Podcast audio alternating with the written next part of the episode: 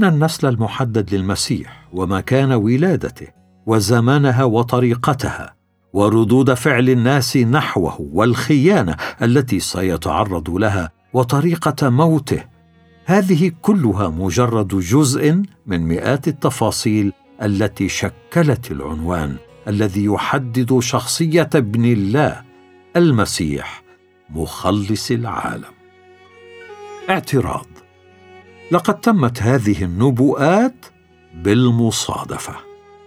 قد يعترض أحدهم بقوله قد تجد بعض هذه النبوءات محققة في جون كينيدي أو مارتن لوثر كينج أو جمال عبد الناصر إلى آخره وهذا صحيح.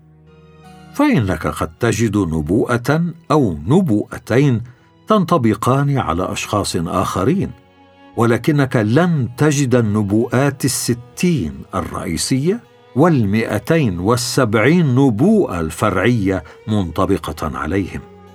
ولقد عرض فريد جون ميلدو مدير دار النصر المسيحية للنشر في دنفر جائزة قدرها ألف دولار لكل من يستطيع أن يبين أن هنالك شخصا تحققت فيه نصف النبوءات التي تتحدث عن المسيح في كلا العهدين القديم والجديد.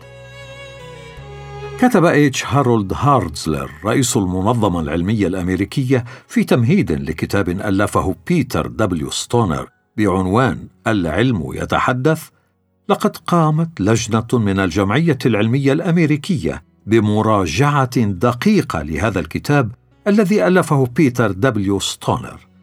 كما قامت اللجنة التنفيذية للجمعية نفسها بمراجعة مماثلة لكتابه.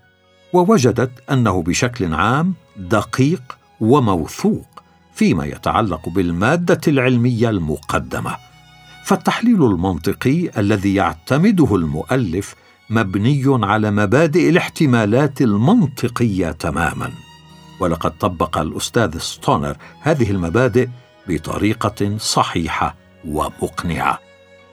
والاحتمالات التالية المأخوذة من ذلك الكتاب تثبت أن علم الاحتمالات ينفي مبدأ الصدفة. يقول ستونر إنه باستخدام علم الاحتمالات الحديث بالنسبة لثمان نبوءات نجد أن فرصة تحقق كل هذه النبوءات الثمانية في شخص واحد هي واحد من عشرة أي واحد من مئة كوادريليون. وحتى يساعدنا ستونر على استيعاب هذا الاحتمال المذهل فقد أعطانا الافتراض التالي.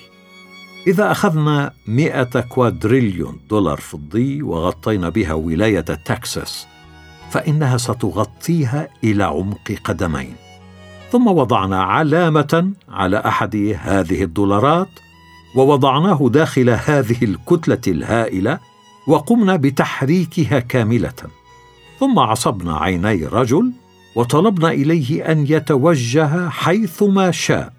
شريطة أن يعثر على الدولار ذي العلامة. فما هي فرصته في العثور على هذا الدولار؟ هذه هي تماما الفرصة نفسها التي كانت لدى الأنبياء لكتابة ثمان نبوءات وتحققها في أي شخص شريطة أن يكونوا قد كتبوها بحكمتهم الخاصة. لقد كتبت هذه النبوءات إما بوحي من الله أو أن الأنبياء كتبوها كما اعتقدوا أنها يجب أن تكتب. ولقد كانت لهم في مثل هذه الحالة فرصة واحدة من عشرة حتى تتحقق في أي شخص لكنها تحققت جميعا في المسيح. وهذا يعني أن تحقق هذه النبوءات الثمانية وحدها يثبت أن الله أوحى بكتابة هذه النبوءات بشكل محدد لا يفتقر إلا لفرصة واحدة من عشرة حتى يكون مطلقا.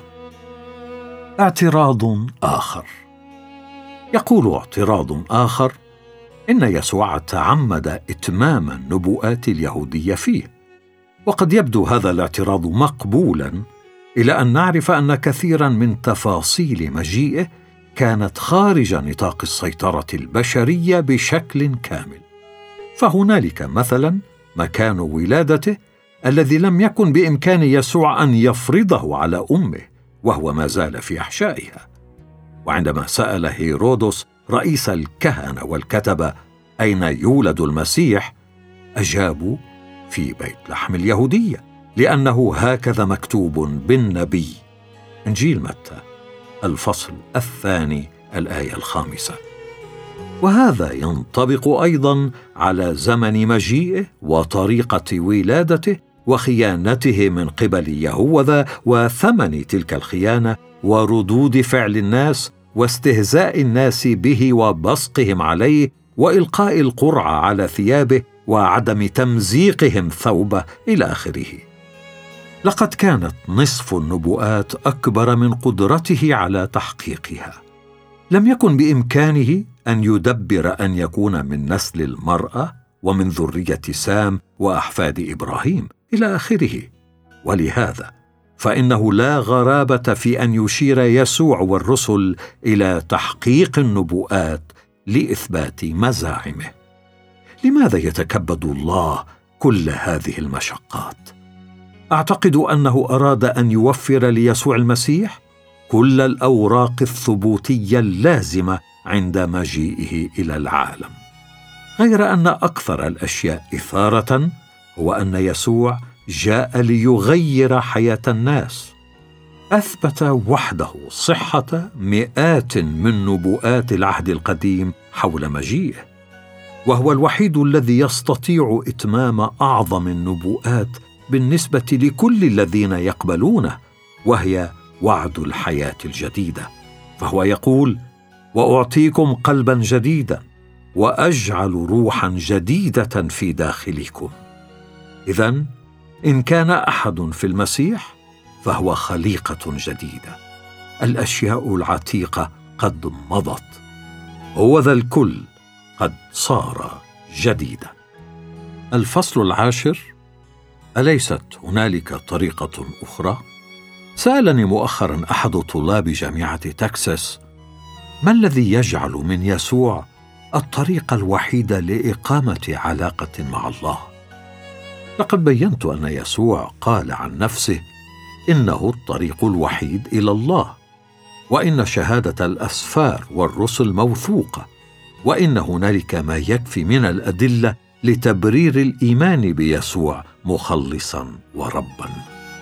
وبالرغم من كل هذه الإيضاحات ما زال هنالك سؤال يتبادر في ذهن الكثيرين وهو ولماذا يسوع بالذات؟ أليس هنالك طريق آخر لإقامة علاقة مع الله؟ ماذا عن بوذا أو كونفوشيوس أو الأنبياء الآخرين؟ ألا يستطيع الفرد أن يعيش حياة صالحة وحسب؟ وإذا كان الله على هذا النحو من المحبة أفلا يقبل كل الناس كما هم؟ قال لي رجل أعمال من الواضح أنك أثبتت أن يسوع المسيح هو ابن الله لكن ألا توجد طرق أخرى للوصول إليه بدون يسوع؟ يشير السؤالان السابقان إلى أن الكثير من الناس اليوم يتساءلون عن سبب أهمية إيمان الإنسان بيسوع مخلصا وربا شخصيا حتى تكون له علاقة مع الله ويختبر غفران الخطايا. أجبت الطالب الجامعي بقولي إن اناسا كثيرين لا يفهمون طبيعة الله. والسؤال الذي يطرح عادة هنا هو كيف يمكن لإله محب أن يسمح لإنسان خاطئ أن يذهب إلى الجحيم؟ وعندها أجاوب بسؤال كيف يمكن لإله قدوس عادل بار أن يسمح لإنسان خاطئ أن يكون في محضره؟ لقد أدى سوء الفهم لطبيعة الله وشخصيته إلى كثير من المشاكل اللاهوتيه والأخلاقية. كثيرون يفهمون الله على أنه إله محبة ولا يتعمقون في فهمه أكثر من ذلك. المشكلة هي أن الله ليس إله محبة فقط فهو أيضا إله بار وعادل وقدوس. نحن نعرف الله من خلال صفاته والصفة ليست جزءا من الله. كنت أعتقد سابقا بأني إذا أخذت كل صفات الله القداسة والمحبة والعدل والبر وجمعتها معا فسيكون حاصل المجموع هو الله وهذا غير صحيح. ليست الصفة شيئا يشكل جزءا من الله ولكنها شيء صحيح عن الله. فعندما نقول مثلا بأن الله محبة فإننا لا نعني أن جزءا من الله محبة ولكننا نعني بأن المحبة شيء أصلي فيه متفق مع طبيعته. فهو حينما يحب فإنما يعبر عن طبيعته. سأتناول الآن مشكلة نشأت نتيجة لدخول البشرية في الخطيئة. قرر الله منذ الأزل أن يخلق الرجل والمرأة.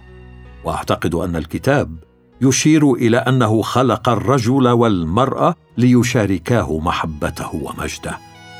لكن آدم وحواء تمردا عليه واختارا لنفسيهما طريقا منفصلا عن الله ودخلت الخطيئة إلى الجنس البشري. أصبح الأفراد منذ ذلك الحين خطأ أو منفصلين عن الله. هذا هو الموقف الذي وجد الله نفسه فيه مع علمه المسبق به. فقد خلق الرجال والنساء ليشاركهم مجده غير أنهم رفضوا مشورته ووصيته بازدراء واختاروا أن يخطئوا. ولهذا اقترب منهم بمحبته ليخلصهم ولكن لأنه ليس الها محبا فقط بل إله قدوس وعادل وبار أيضا فإن من شأن طبيعته أن ترفض كل إنسان خاطئ. يقول الكتاب المقدس لأن أجرة الخطيئة هي موت. وهكذا فإنك تستطيع القول إن الله واجه مشكلة. اتخذ قرار ضمن الذات الإلهية الله الإبن والله الروح القدس بأن يتجسد ابن الله فيصبح انسانا. ويكون الله الإنسان. ويصف يوحنا هذا الأمر في الإصحاح الأول من الإنجيل المسمى باسمه حيث يقول إن الكلمة صار جسدا وحل أو خيم بيننا. كما تقول كلمة الله في الإصحاح الثاني من الرسالة إلى أهل فيلبي بأن المسيح يسوع أخلى نفسه من المجد وأخذ هيئة إنسان. كان يسوع الله الإنسان. كان إنسانا كما لو أنه لم يكن الله وكان الله كما لو أنه لم يكن الإنسان. وقد اختار أن يعيش حياة خالية من الخطيئة مطيعا للآب طاعة كاملة. لم ينطبق عليه التصريح الكتابي بأن أجرة الخطيئة هي الموت. ولأنه لم يكن إنسانا محدودا فحسب وإنما كان الله غير المحدود أيضا فقد كانت لديه قدرة غير محدودة على أن يحمل خطايا البشر. وعندما ذهب إلى الصليب قبل حوالي ألفي عام صب الله القدوس العادل البار غضبه على ابنه. وعندما قال يسوع قد أكمل؟ فقد عنى بأن طبيعة الله العادله والباره قد رضيت. نستطيع القول إن الله أصبح في تلك المرحلة حرا في التعامل مع البشرية بمحبة بدون أن يضطر لإهلاك الإنسان الخاطئ لأن طبيعة الله البارة قد أرضيت من خلال موت يسوع على الصليب. أوجه عادة السؤال التالي للناس من أجل من مات المسيح. فيجيبون عادة من أجل أو من أجل كل الناس. فأجيب هذا صحيح. ولكن من أجل من مات يسوع أيضا. فيجيء الجواب عادة لا أدري. وعند ذلك أوضح بأنه مات من أجل الله الآب. فيسوع لم يمت من أجلنا فحسب. ولكنه مات من أجل إرضاء الآب أيضا. وهذا ما يتحدث عنه الإصحاح الثالث من الرسالة إلى أهل رومي عندما يتناول موضوع الكفارة.